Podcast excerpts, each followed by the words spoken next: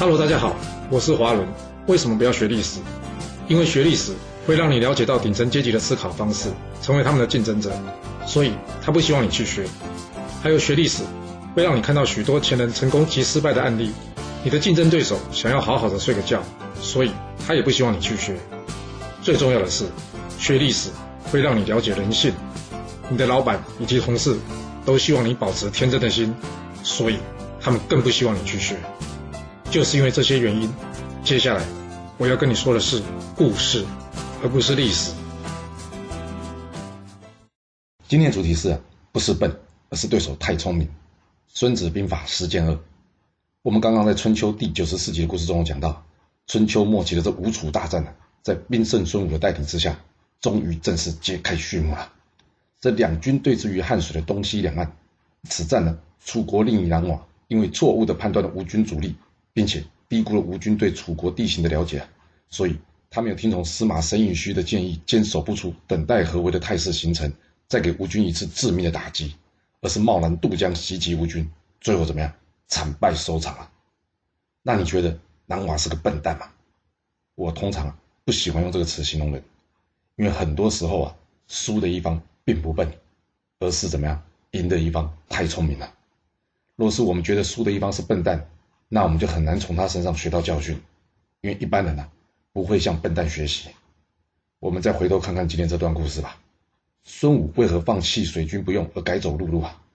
另外，吴国快速的来到汉水东岸之后，难道真的无法渡江，还是他们在等待楚军的集结？但是等待楚军集结，这不是孙子兵法上不想要有的状况吗？那孙武为什么要花时间让楚军完成集结呢？其实孙武的目的就是让楚军主力先集结，确认会参战的对手，然后呢，再将楚军的主力分散之后各个击破。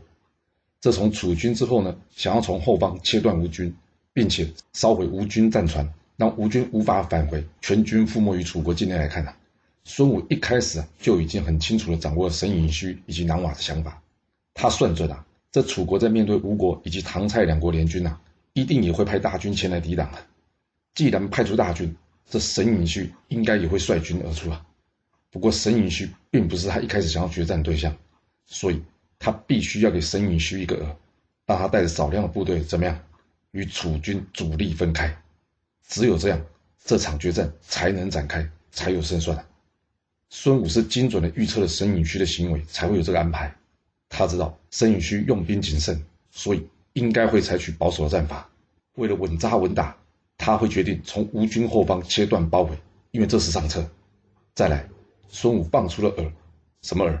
也就是吴国所有的战船。按照沈尹戌的个性啊，依照现在的说法来说，他是个专业型的人。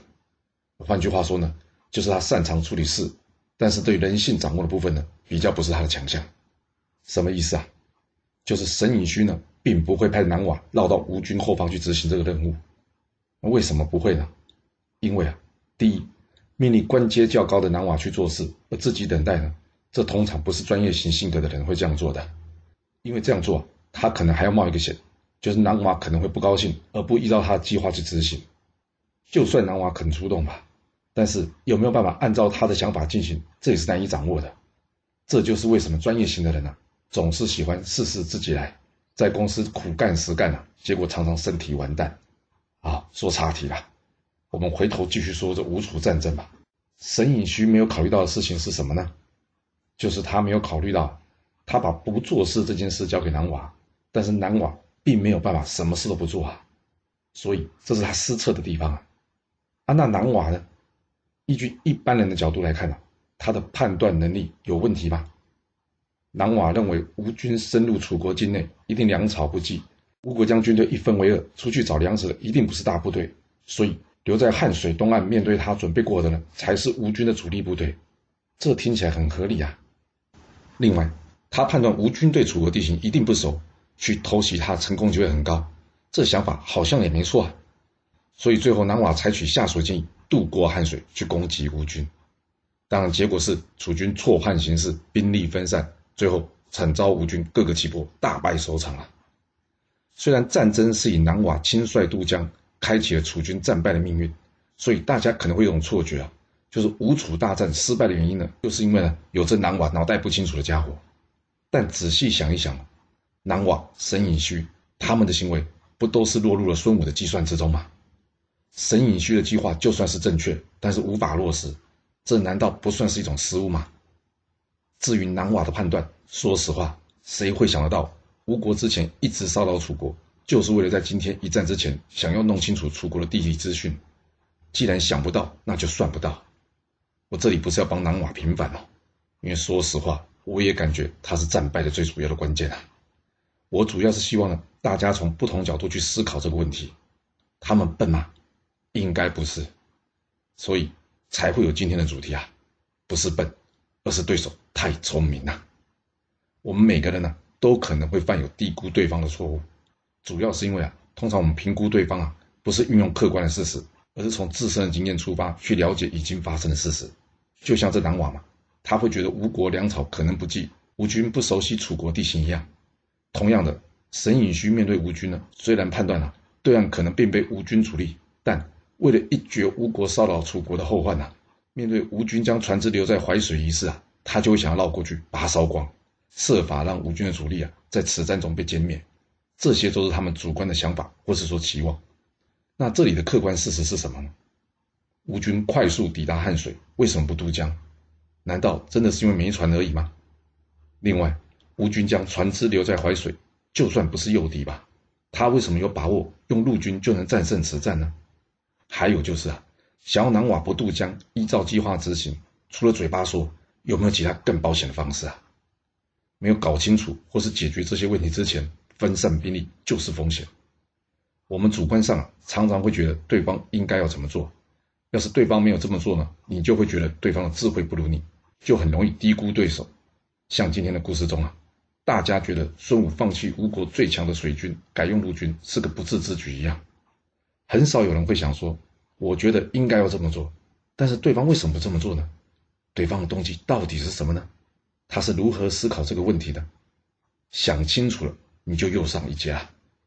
举个例子吧，我之前有个主管，他在我刚刚到公司的时候啊，对我的作业啊事必躬亲，询问到非常仔细，要求我必须按照他的指示啊一步一步的进行。同时呢，一周跟我开会三四次，每次两到三小时。他像是照顾小孩一样对待我，而同事们呢，也都觉得这主管对我特别照顾。但仔细想一想，我并非没有这领域的工作经验啊，并不需要他像这样带新人的方式来带我。